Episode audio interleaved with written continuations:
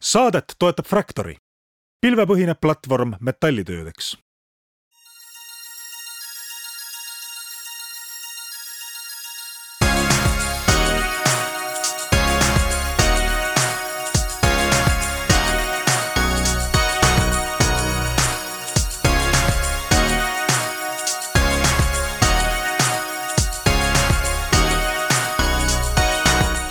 tere kaunist kolmapäevale kõigile Restardi saate kuulajatele, Taavi Kotka, Hendrik Roonemaa vankumatu järjekindlusega juhivad seda saadet. täna meil on äh, saates ette võetud teema, mida, mille, mille kohta tegelikult vist paljud inimesed usuvad, et äh, valitseb talv selles valdkonnas, midagi ei toimu. vahepeal oli kuum ja, ja nüüd on kõik äh, põhjas, läbi, igaveseks midagi ei juhtu. oli bluff, oli müüt ja oli haip, aga me küsime, kas tõesti oli mis toimub ja kuidas see valdkond võiks äh, ikkagi sellele kuulsale Gartneri äh, produktiivsuse platoole jõuda. me räägime NFT-dest ja sellega seotult kindlasti äh, krüptomaailmast ja meil on külas Eesti idufirma NFT Port kaasasutaja ja juht Johannes Tammekänd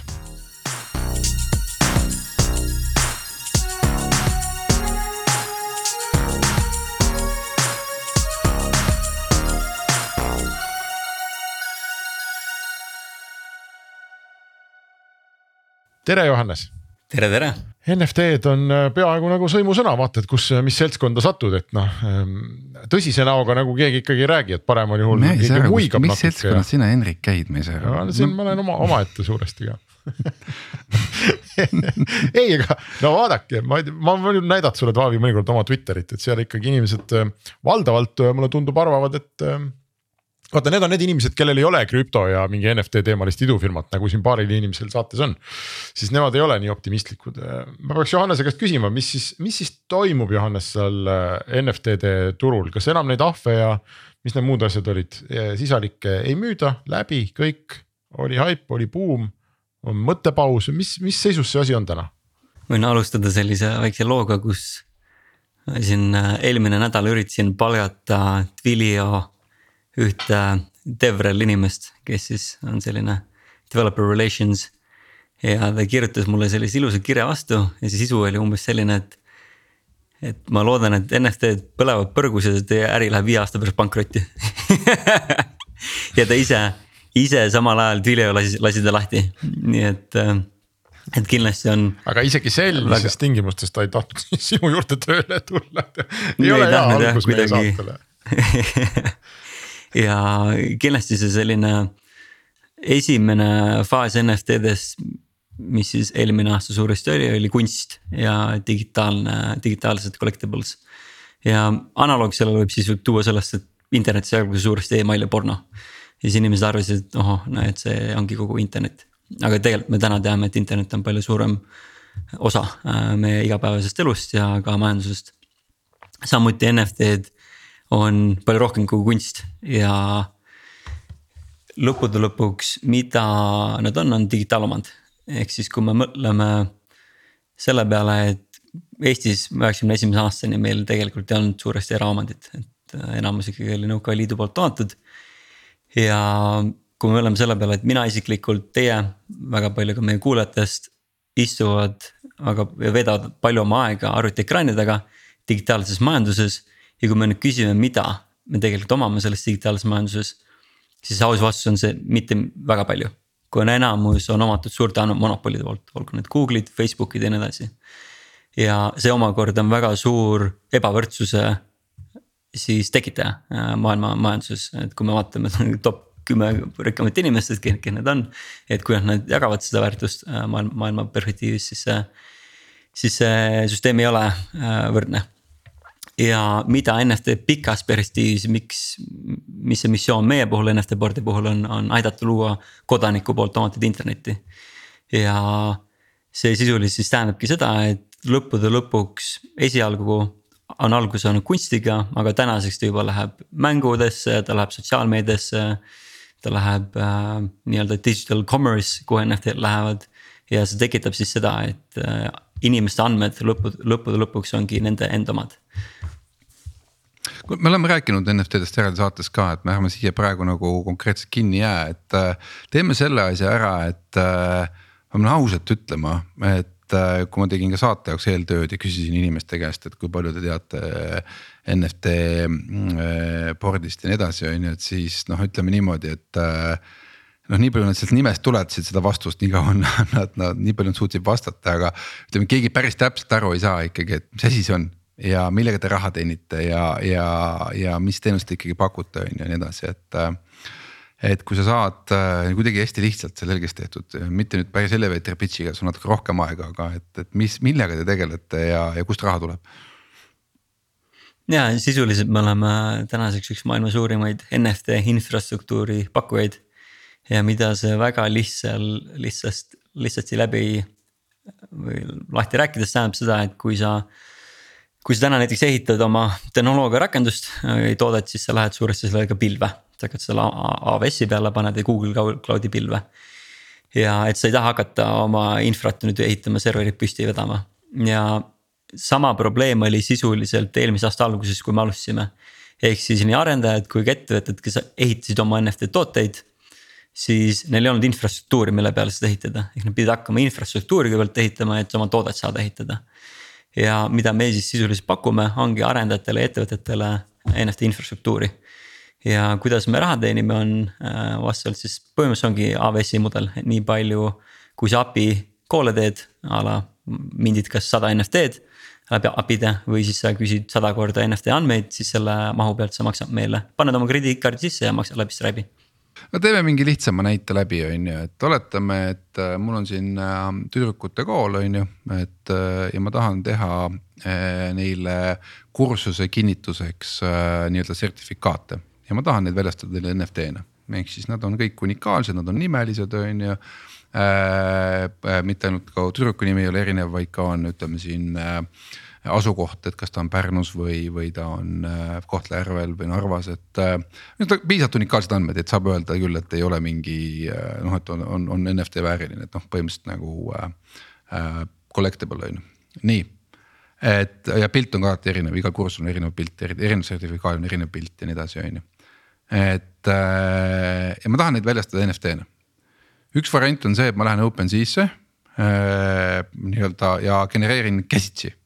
Noh, mis jällegi mul on tänasel koolis kaks tuhat kakssada tüdrukut on ju, tundub mulle, et kurat sinna läks mul üks päev vähemalt või kaks päeva, et need äh, käsitsi ära genereerida ja mul on vaja poole aasta pärast järgmised genereerida, sest nad on juba järgmise kursuse läbinud ja nii edasi, on ju. noh, see ei tule kõne alla.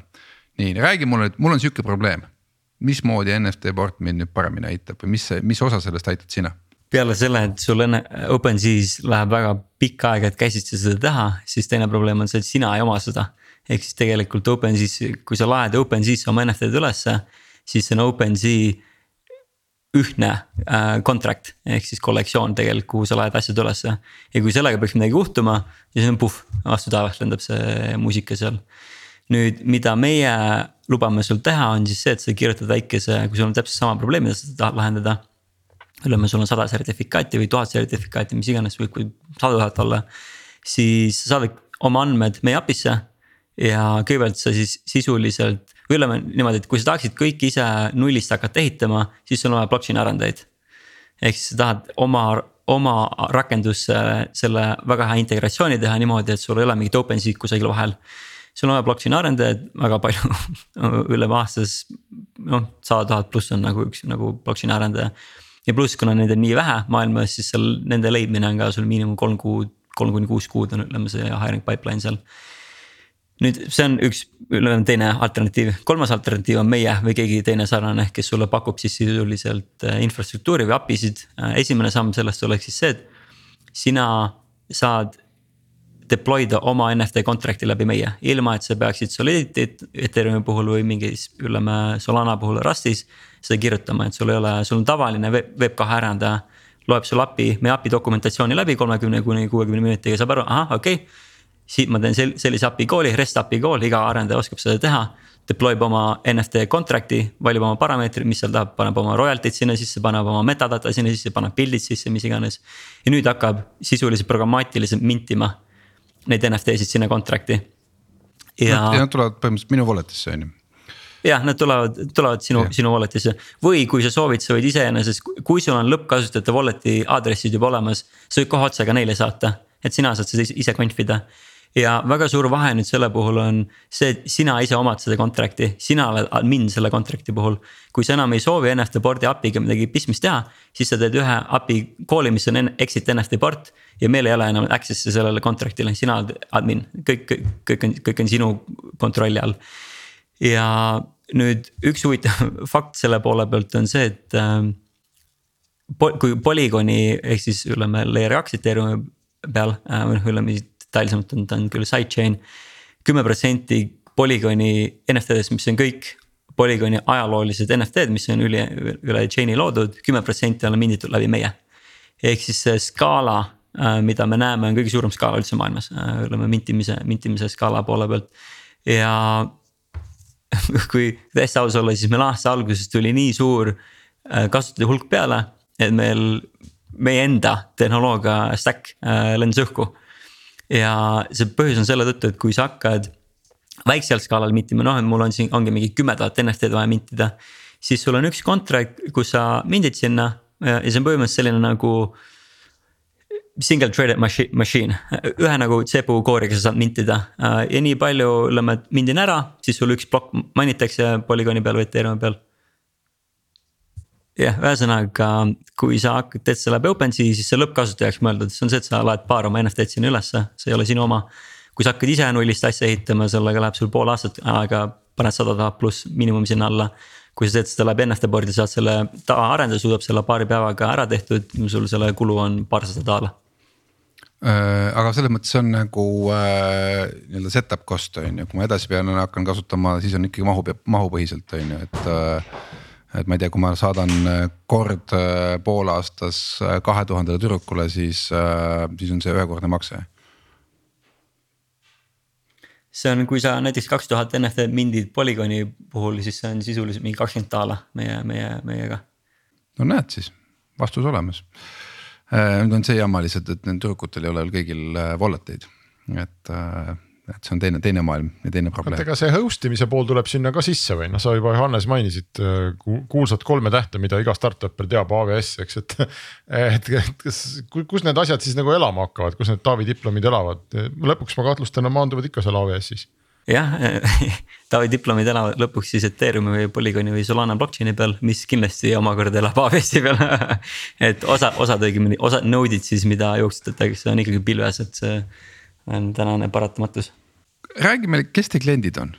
too mingeid näiteid, kui sa nii palju tohid tuua, ma ei tea, noh, sa ära ütle nimesid, ütle, et noh, ma ei tea, autoettevõtja või midagi sellist on ju, et kui või, või kui tohid rääkida mõnest lähemalt. Äh, too meile mingeid näiteid, et kuulaja saaks aru paremini, mis, mis peale minu diplomite veel teha saab.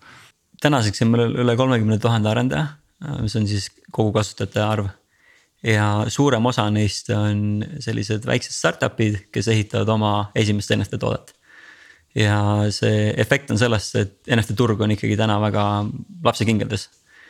nüüd suurimad kliendid, kes meil on ja kellest ma saan siin rääkida, on näiteks äh, Gemini, mis on maailma äkki viies või kuues kõige suurem crypto exchange. Snapchat, nemad ehitavad, ma väga detailseks ei saa siin minna, aga nad sisuliselt ehitavad NFT pluss AR rakendust et Snapchati enda jaoks on pikah perspektiivis AR-i turg väga strateegiline, see ära võita. ja nad näevad seal NFT ütleme poolt siis väga tähtsana. just enne meie kõne istusin kõnes Metaga. et äh, noh, juba in, osa Instagrami NFT funktsionaalsusest on avalik. et Instagram, Instagramiga teeme koostööd ja siin on veel väga palju, sisuliselt ma ütleks niimoodi, et täna kui võtta USA siis Fortune five hundred, sisuliselt iga Fortune five hundred consumer ettevõtte enterprise ehitab NFT-dega. et enamus nad teevad seda küll internally, itereerivad, saavad aru oma business model'ist seal ja nii edasi, aga sisuliselt nii palju, kellega meie oleme rääkinud ja meil on enamus consumer, noh a la sotsiaalmeedia, commerce, jada, jada. ja nad ehitavad täna NFT-dega räägime seda ehm, NFT porti saamislugu, kui mälu mind ei peta, te olite enne midagi muud. Ehm, vähemasti sina tegid enne midagi muud, kuidas see oli, kas, kas oli see lihtsalt teine nimi enne ja ta muutus NFT board'iks või ta muutus või see oli üldse mingi täiesti muu asi, mida te enne tegite? jah, see on natukene pikem, pikem lugu, hea meelega räägin. et kui kaks tuhat seitseteist aasta lõpp oli olin sellises äh, Saksamaa küberturbeettevõttes nagu Payload Security, ma olin teine employee seal. müüsime maha selle CrowdStrike'ile, mis on tänaseks maailma kõige suurim küberturbeettevõte. ja tegin CrowdStrike'i CTO-ga Dmitri Alperovitš tol hetkel kõne. lõi mulle rahapataka vastu pead, kukkusin pikali, oleks saanud minna öelda, et ma tahan seda maja ja siis kõndida veel teise autosalongi öelda, et ma tahan seda Ferrari't ka, et see oli sihuke, sihuke summa, oleks saanud Silicon Valley'sse minna oma mees, meeskonda juhtida. ja, aga samal ajal oli sisetunne oli see, et äh, alustada enda asja ja. et siis äh, oli kaks tuhat kaheksateist, ütleme pikalt ma olin küberturbe valdkonnas olin juba eelnevalt olnud, et siis ma nägin, kuidas inimeste persona-, personaalseid andmeid äh, väärkasutati et a la sellise asja nagu Cambridge Analytica ja kõik, et see enne seda, kui see avalikuks tuli, et oli, oli juba sellest aru, arusaamine ja kaks tuhat kaheksateist alguses tõmbasin Kasper Petersonis co-founder'i patti ja asusime lahendama sedasama probleemi, et kuidas saaks inimeste personaalse andmed neile tagasi anda. esimene crazy idee oli siis see, et äh, õigemini probleem on, et inimesi tegelikult ei enamasti ei huvita nende andmed, välja arvatud siis, kui kusagil kellelgi pangaarvelt raha ei hakka ära kaduma või kellegi ütleme siis paljad pildid internetti ei satu, siis senikaua on inimestel fine ja meil oli siis selline crazy hüpotees, et anname inimeste andmetele teatud sellise keha, et neil tekiks emotsionaalne side ja tegime siis läbi sihuke startup oli nagu Sidekick. et kus me lõime siis digitaalseid inimesi või teisikuid. ja esialgu me tegime neid kuulsatest inimestest, et a la Dalai Lama, Elon Musk'id ja nii edasi, et siis sain nendega rääkida, suhelda, sain neile helistada, oli lõpuks oli Steve Jobsil oli oma sünteesitud hääl, kõik oli närvivõrkude poolt äh, siis genereeritud aga tol hetkel, see oli kaks tuhat kaheksateist. ai tehnoloogia ei olnud veel piisavalt liiga, liiga noor oli, noh täna me näeme, et a la GPT kolm, mis teksti genereerib väga, väga realistlikult juba. tol hetkel see oli liiga lapsekingades.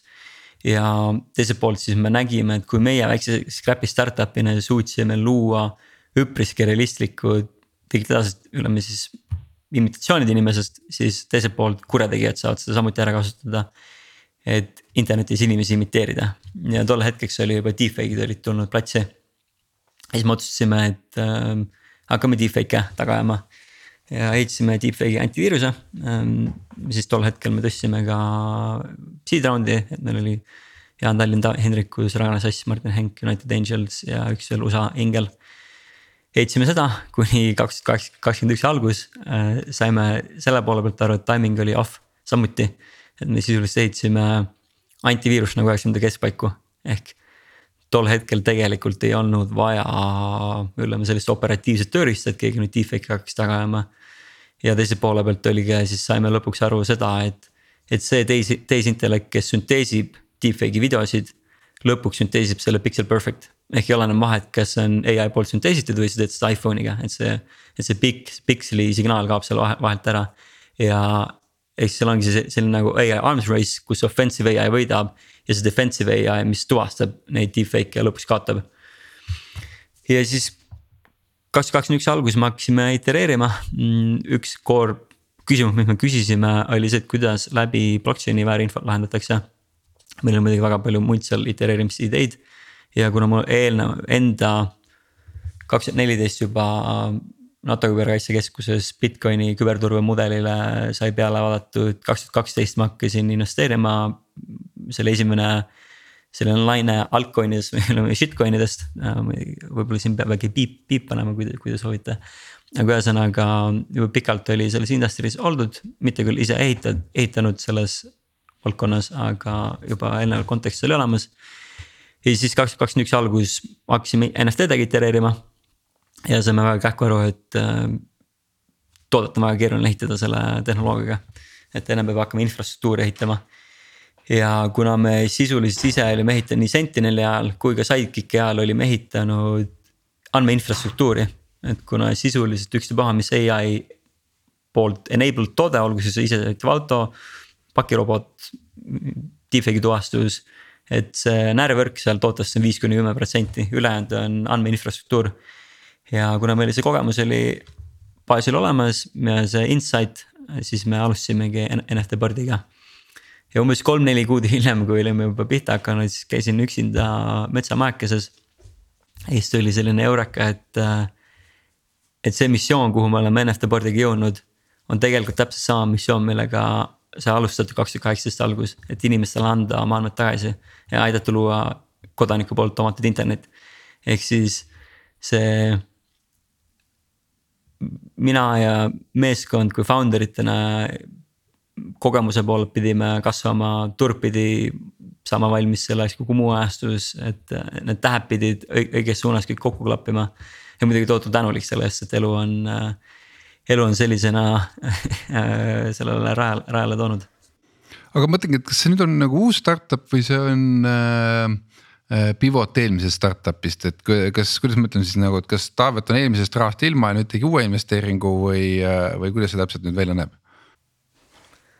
ilma Taaveti ja eelneva raundi investori toeta me kindlasti ei oleks siin, ehk siis ikkagi kõik on. ei nõus, aga lihtsalt, kas te käsitlete, käsitlete, aga käsitlete seda. et te nii-öelda nagu tõstsite nad üles nagu siia raundi ka ikkagi, et nad on praegu omanikud. Ja, ja nad on eelmisest raundist juba sees, äh, ütleme, see oli jah, ta oli pivot, äh, keha oli küll jäi, küll jäi samaks. Johannes, nende deepfake'ide teema on vähemasti avalikkuses ka ikkagi täiesti nagu ära kukkunud, et ma mäletan mingit hetke ka, kui sa ise tegelesid nendega ja siis oli isegi Paides Arvamusfestivalil olid mingid paneelid ja käis mingi tohutu arutelu, et noh, nüüd varsti maailm muutub igaveseks, et. mida iganes me arvutist või Youtube'ist või telerist kuskilt ei näe, et noh, sa enam iial ei või kindel olla, kas see on päris või see on deepfake ja see on ohtlik ja. ja maailm läheb hukka ja inimesed lähevad omavahel kodusõtta, sellepärast et noh, kõike on võimalik manipuleerida, see tundus nagu hästi õudne. ja samal ajal ka hästi realistlik ja levisid internetis igasugused deepfake'i videod seal, ma ei tea, Donald Trumpist ja Tom Cruise'ist on ju, mis nad olid aga praegu ei ole nagu midagi, mis, kas, kas sealt nagu, kas see tegelikult ei, ei juhtunud niimoodi nagu ennustati või on seal ka mingi selline kaane all pulbitsemine käib, mida me praegu ei näe?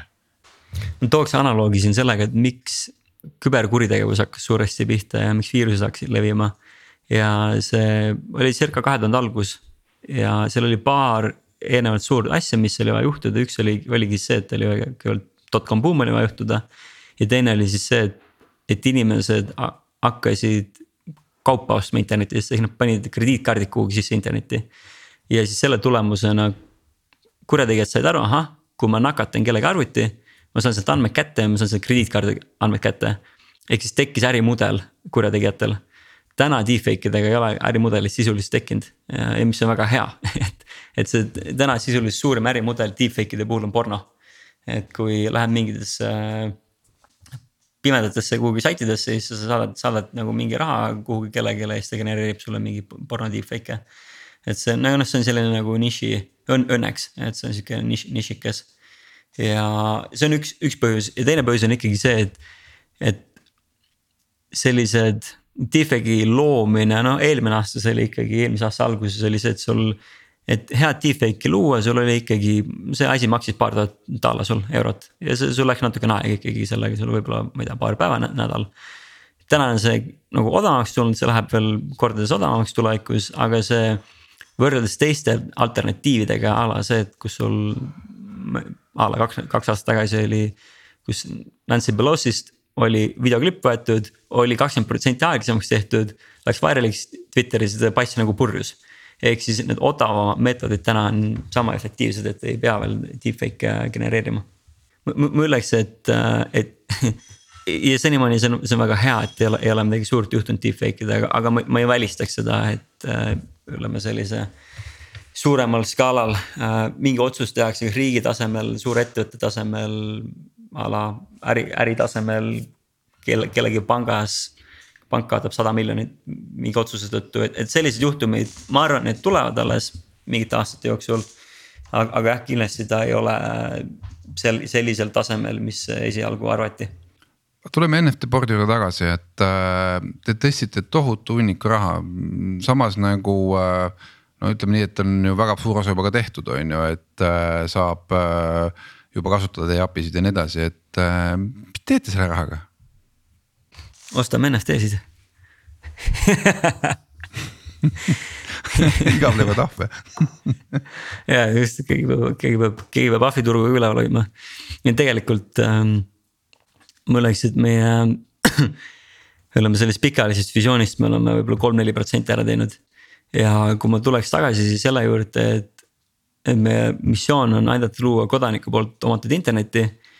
siis tänase internetiga on üks suur probleem ja see on see, et, et kui me vaatame hetk interneti arhitektuuri a la sisuliselt olgu siis see ruuteritest kuni selleni, mis me siin arvutiekraanil näeme, presentation layer, noh ütleme. arhitektuuriliselt selle nimi on OSI mudel, seitse, seitse layer'it. siis see on ehitatud selle eesmärgiga, et kirjutada ja lugeda väga efektiivselt TCP IP-d. ja ta on samamoodi protokolli stack ähm,, aga selles IP paketis pole kirjas, kes on selle IP omanik. Nüüd pikaajaline visioon, mis meil on NFT board'i protokolliga, ongi sisuliselt luua interneti jaoks TCP IP for ownership. ehk siis, et viie aasta, viie kuni seitsme aasta pärast, olgu siis sina, Taavi, Hendrik või meie vanemad või tädi Maali. saad öelda, et see tükik interneti on minu oma. nagu täpselt samamoodi saad öelda, see kodu on täna sinu oma. ja olgu siis selle tõttu majanduslikud benefit'id, mis sa saad või siis kodus ka emotsionaalsed benefit'id, et samamoodi see digitaalne majandus, me näeme peab liikuma sinna, sinna, sinnapoole.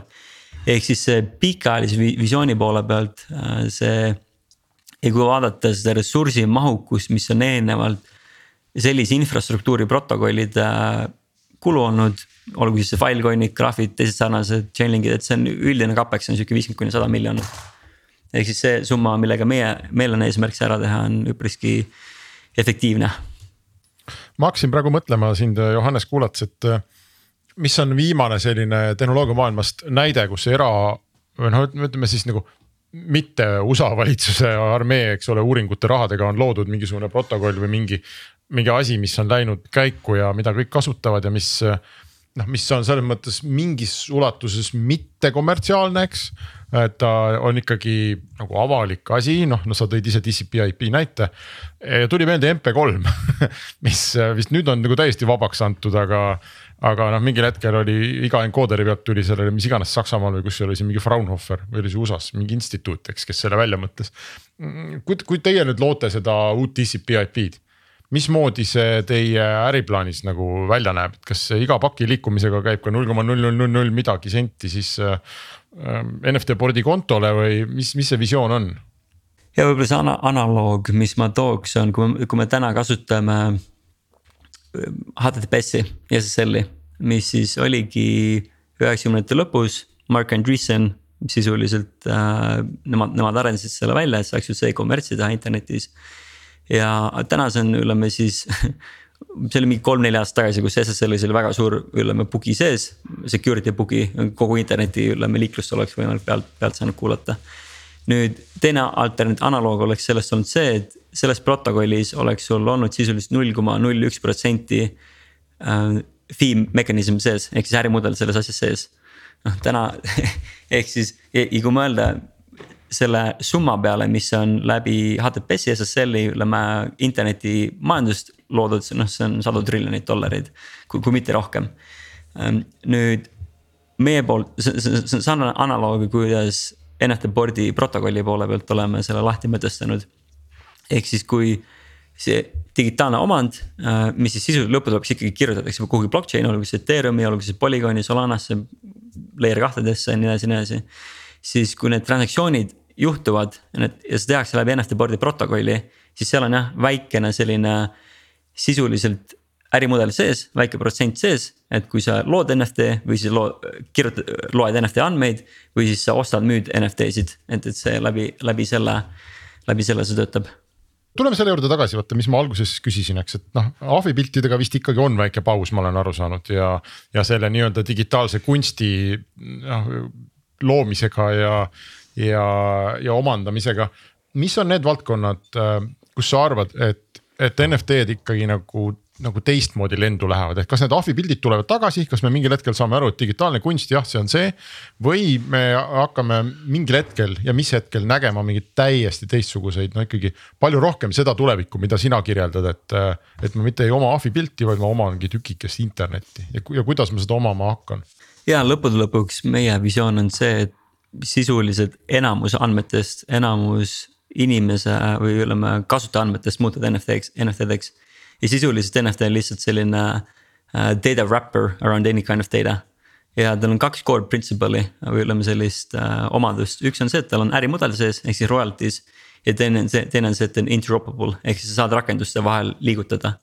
ja kui vaadata uute tehnoloogiate puhul, interneti puhul, siis samuti internetil oli kaks põhiomadust, see oli see, et sa said infot liigutada valguskiirusel ja sa said kommertsi internetis teha.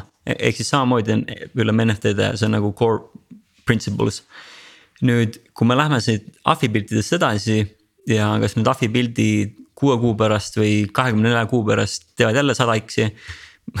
isiklikult ma ei oska öelda, mind isiklikult ka ei huvita, et äh, need ahvi pildid on vajalikud, et see NFT tsükkel sai käima ja see tõi väga palju sellist loovinimesi, tõi kogu Web3 industrisse sisse. Aga mida meie täna näeme, kus väga suur selline adoption on sündimas, on mängu industry äh, ja see põhiprobleem on selles, et iga aasta ostetakse kuuskümmend kuni seitsekümmend miljardit, miljardi eest äh, mängude sees mängu esemeid, ehk siis kasutajad ostavad, olgu siis mingid pusad, olgu need automaadid, nii edasi, nii edasi. aga see põhiprobleem on see, et see on ühes mängus kinni. Ja mina ise ka samuti kunagi olin mängija, ma IT-sse läksin läbi, läbi mängude. ja see analoog on natukene sedasi, et äh, mängud täna on sisuliselt riikide majandused enne globaliseerumist. ehk siis sa mängu sees saad mingit äh, nii-öelda kaubandust teha, aga mitte mängude vahel. ja kui globaliseerumine oli, siis me tegelikult teadsime, et kogu maailma majandus kasvas. muidugi see ei see kasvas ebavõrdselt teatud riikide vahel. aga samuti see on siis see mängu selline kogu majandus kasvab läbi, läbi NFT-de, see on üks, üks suur teine on näiteks sotsiaalmeedia, et äh, noh, tänaseks ongi siis olgu Instagramid, Twitterid, Redditid, Snapchatid äh, täna sisuliselt seda tehnoloogiat on äh, rakendamas. ja suur kolmas väga, ütleme siis selline lühiajaline on kogu kommerts. olgu siis see eBay, olgu siis need teised suured netikaubamajad. Amazoniga pole rääkinud, aga ma eeldan, et ka neil on kindlasti omad plaanid Ehm, ja kuidas üleüldiselt tegelikult olgu siis sotsiaalmeedia või eBay ja teised mõtlevad, nad ei mõtle sellest üldse NFT-dena. NFT, see on üldse nii väga tehniline akronüüm, non, non-fungible token, ka tagasituseks ei ütle mitte midagi. kuidas nemad seda mõtlevad, on digital commerce. ehk siis see ongi lihtsalt järgmine samm digitaalsest kommertsist ja see näeb selles välja, et, et sul kasutajad saavad omada unikaalseid äh, esemeid internetis, et mida mis on otse, otse omatud nende, nende, nende poolt. üks konkreetne näide Instagrami puhul ongi siis see, et nende jaoks suur probleem on täna kogu creator monetization ehk siis väga vähesed inimesed Instagrami platvormil teenivad raha, enamus on kuulsad inimesed, ütleme siis see on nagu äh,. Sihuke long tail, kes ei üldse ei teeni seal mitte midagi. Ja nende eesmärk ongi läbi NFT-de anda creator itele ehk siis loojatele otsene ärimudel nende fännidega. ehk siis mina, kui saan nüüd olema mingi kunstnik, olen ma, ma ei tea, loon mingeid pataseid, mis iganes, mis iganes ma põhimõtteliselt Instagramis turundan ennast. Ja üldiselt ka nendel asj-, asjade puhul on siis nii-öelda see digitaalne pool, äh, mida ma seal turundan juures. Ja siis ma saan otsese ärimudeli oma, oma fänn, fänni, fänni, fännidega aga sa rääkisid siin kõlavate nimedega, noh Instagram, Meta, Amazon, okei okay, Amazoni sa ütlesid, et pole veel rääkinud, on ju. aga kuidas sa räägid Metaga? no see on ju no organisatsioon, tuhanded inimesed. kas need on ikkagi see, et needsamad meta developer'id on teid üles leidnud ja, ja siis võtavad ühendust ja, ja siis on, noh ongi müük niimoodi või teil on ikkagi mingid äh, kus ma mõtlen oma tõnged või õngeviskajad ka ikkagi paigas, et äh, kirjutame kuhugi metasse, et ütleme, et kas on huvi, on ju, et noh, et, et äh, mismoodi sa üldse oma nähtavust suurendad? ja ikka info at meta.com et äh, jah, kui, kui tegelikult rääkida, et siis kõige parem on sisuliselt ütleme eriti siis developer led ja developer focused tööriista puhul nagu meie pakume API sid on kõigepealt bottom-up adoption ehk siis arendajad või siis meie puhul on suuresti kolm sellist kasutajagruppi, kes meid kasutavad, arendajad. tooteinimesed, PM-id või siis founder'id. kõige parem on see, et nemad kasutavad meie toodet kõigepealt, saavad aru, ahah, väga head API-d, väga hea toode, lahendab minu probleemid ära. aga reaalsus on see, et suurtes ettevõtetes on selline ütlus, et developer tries, business buys. ehk siis seal on ka vaja teha top-down sales'i. Ja mina sisuliselt täna suuresti juhin meie enterprise'i sales'i. ja Ülle, siis kuidas see on olnud ka näiteid, kuidas. sa oled seda päris palju teinud elus ju. ma ei oska öelda, mis on palju või mis on vähe, et, et äh, aga nagu selles suhtes, et et jah, et kui Sten meil just, Sten Tammgi on üks meie co-founder itest, just ütles, et kui muidu üldiselt enterprise'i sales motion'iga väga suurte puhul kalade puhul noh, et see on nagu üheksa kuni kaksteist kuud, vahepeal ma ei tea, kaheksateist kuud. et meil on sisuliselt noh, a la, esmaspäeval Youtube kirjutas, okei okay,, hakkaks meid kasutama. et äh, saatis meile me, oma vendor security assessment'i pani meile teele. et see, aga, kindlasti see on ka osa ütleme funktsioon sellest, et me oleme turuloome alguses. ja kui sul on turuloome versus see, et sul on juba existing turg ja sul on sada erinevat pakkujat. siis kuidas vaadatakse tööriistu, mis sisuliselt lahendab probleeme, on ka samuti teisiti. aga jah, selle poole pealt, et kui me nagu sales, ütleme enterprise sales on bottom-up kõigepealt kõige parem. siis on top, top-down ja, ja siis me ehitame ka praegust USA-s äh, USA-s äh, müügi, müügimeeskonda, et me just hiljuti palkasime siin Twilio top viis äh, sellise inimese ära. ja praegustel oleme palkamas paar tükki USA-sse juurde. Äh, Johannes rääkis seda, et kui, ähm, kui sellised uued tehnoloogia valdkonnad kerkivad esile, eks. siis saab hakata noh, sellist traction'it saab hakata mingite numbrite järgi juba mõõtma, mida midagi tekib, eks, et kunagi, kui Jeff Bezos hakkas Amazoni looma, et väga vahva raamat on sellest kirjutatud, aga siis minu meelest ta ta lihtsalt äh, luges kokku äh, äh IP pakette põhimõtteliselt, et noh, et vaadata, et kui kiiresti internet kasvab, et noh, mis on see nädalast nädalasse või kuust kuusse pakettide arv, mis liigub, on ju. ja noh, see kasv oli nii kosmiline, aga tal oli selline andmepunkt olemas, et ahah, et noh, seal lähevad asjad nagu üles. ja, ja noh, mingil hetkel NFT-de kohta pakuti neid andmepunkte ka, et noh, mingi andmepunkt on. Need uued saidid, mis tekivad ja minditud NFT-de arv ja lõpuks raha, mis sinna sisse voolab ja et noh, sa saad aru kindlasti, kui sa vaatad, et oh kuulge, et nüüd läks käima, et no midagi läks käima, nüüd läheb üles. Äh, ja sellises valdkonnas või ütleme sellisel ajal äh, on paljud inimesed ju kindlasti mõtlevad, et nii, et ma peaks nüüd ka viskama kõik oma hangud ja vikatid nurka, eks ole, ja minema sinna valdkonda. et seal on kasv, seal on see laine, mis võtab mind kaasa ja noh, kui ma vähegi nagu mõistlikult käitun, siis on päris suur šanss, et noh, et ma jõuan kuhugi, sest laine on nii tugev. kuidas sina näiteks äh, arvad, et sellisel hetkel peaks otsustama või peaks valima, et aga mida ma siis teen. meil on siin saates käinud ka igasuguseid erinevaid firmasid, kes teevad blockchain midagi, NFT midagi, eks üks proovib ühest nurgast, teine teisest nurgast. ma ei tea, keegi, meil olid siin ühed, kes digitaliseerisid mingit äh, kauba liikumise teekonda ja, ja umbes, ma ei tea, kasutusjuhendeid tehti NFT, NFT-ks ja. no igasugu asju on, eks teeme münte ja noh ahvide pilte. kas sa oled kogu seda NFT lugu vaadates, on sul mingi soovitus anda, et kui selline trall nagu käima läheb, et kust seda väärtust nagu ikkagi leiab või millega tasub tegeleda või kuidas saada aru, et mis on mõistlik sellises hästi segases keskkonnas ja mis ei ole mõistlik? no paistab, et meil siin podcast'is kaks tükki on selle rongi peale hüpanud, et mina ja Taavi. aga tegelikult ma tooks tooks ülleks samuti siia juurde ühe väga hea pesose ülluse, et äh, enamus inimesi teevad tööd. osadel on karjäär ja väga vähestel on kutsumus. ehk siis minu jaoks NFT-d ei ole kunagi olnud see, et see on fashion nagu ütleme selline flashy toy või tehnoloogia. minu jaoks see journey hakkas pihta kaks tuhat kaheksateist algus, seesama missioon, millega ma üldse ettevõtet hakkasin ehitama. ja see läbi väga mitme pivoti, läbi väga mitmete aastate, väga mitmete crazy'de seikade a la meil esimene investor suri ära, kes oli üks USA-st investor, mitu korda peaks pankrotti läinud. ma ei ole kunagi seda teinud selle tõttu, et ma tahan lahedat tehnoloogiat ehitada, kuigi ma olen engineer by training ja heart.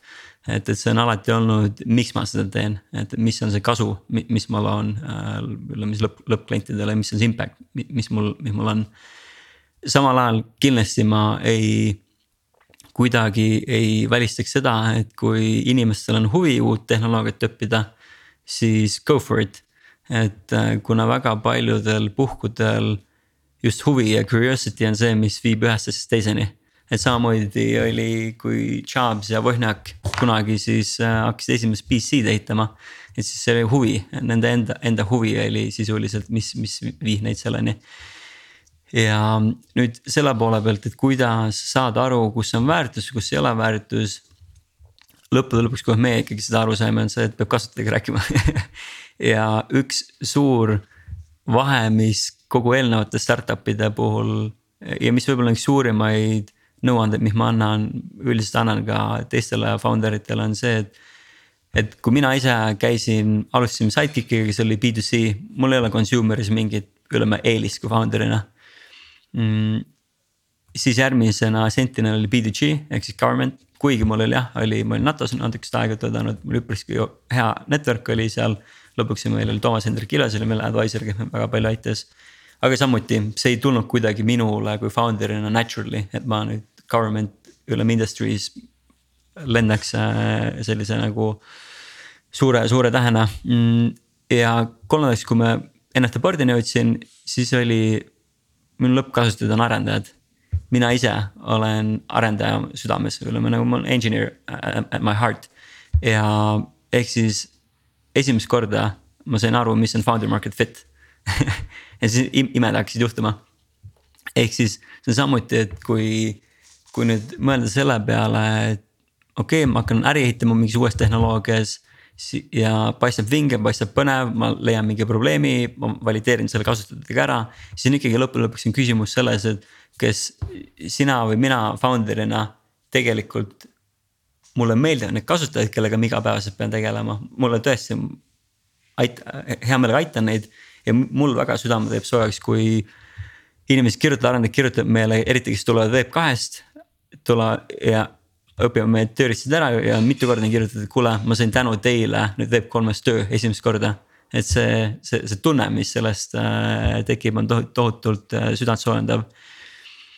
Ehk siis see on, need kaks on võib-olla, mis ma rääkida kasutajatega ja ikkagi peab endale ka peeglisse otsa vaat-, vaatama, mis on enda tugevused, nõrkused ja kes tegelikult pikaajaliselt tahaks sellega tegeleda. et, et kuna väga palju ongi seda, et äh, Web3 on tal on see finantskomponent juures tehnoloogiale. ja mis tähendab ikkagi seda, et ma suuresti ütleks, et. et a la Ethereum või Bitcoin või ka muud Web3 tehnoloogiad, kui, kui sa mõeleks selle peale, et kui neil ei oleks mingit token'it. siis sisuliselt ja kui vaadata nagu nende hinda läbi aja, läbi kümne aasta. siis sisuliselt, mida nad on, tehnoloogia toode, mis otsivad market fit'i. ja lõpuks lähevad siis nagu IPO-ni lõpuks välja. ehk siis see, see, et nagu see vahepeal käib see on nagu natural part of it ähm,. aga muidugi seal ongi see, et see tõmbab väga palju ka neid inimesi, tõmbab väga palju skämmi juurde äh,, mis on muidugi halb selle poole pealt. ja e-, ehk siis jah, need on, need on need põhi, põhi, ehk siis kui see nagu. Buffettil on sihuke, sihuke ütlus, et kui uh, when the tide goes out, then you will see who has been swimming naked. Web3-s on seda väga palju et kui, kui tuleb järgmine krahh, siis on näha, kes tegelikult oli nagu kiire raha peale välja minenud ja need kaovad ära, kuhu kuk, kuk, kukuvad ära, nad, nad ei tulnud õigete põhjustega tõttu, nad on lihtsalt mercenaries, not missionaries. tuletan muidugi meelde, et kui sa kuulad oma community't ja teed selle pärast oma toodet paremaks, siis ei tohi ära unustada ka community't. Et tuleb meeles pidada. Mis see veebisait on Taavi, kus saab see oli saatejuhi tasuta reklaam. Ja, ja, ja midagi peab ju see iganädalane pull siin väärt ka olema. meil on muide läbi aeg, me ro rohkem ei ole meile aega eraldatud ja me peame seda Taaviga juurde ostma ise, kui me soovime, aga ma hetkel ise ei soovi me saame järgmisel nädalal jälle tulla siia saatesse ja kolmveerand tundi rääkida ja kutsuda külalise kes on äh, keegi muu, täna oli külas Johannes Tammekänd NFT Portist ja tema ehitab uut internetti. me väga loodame, et see uus internet on made in Estonia, see oleks päris äge. aga aitäh kõigile kuulajatele ja kohtume nädala aja pärast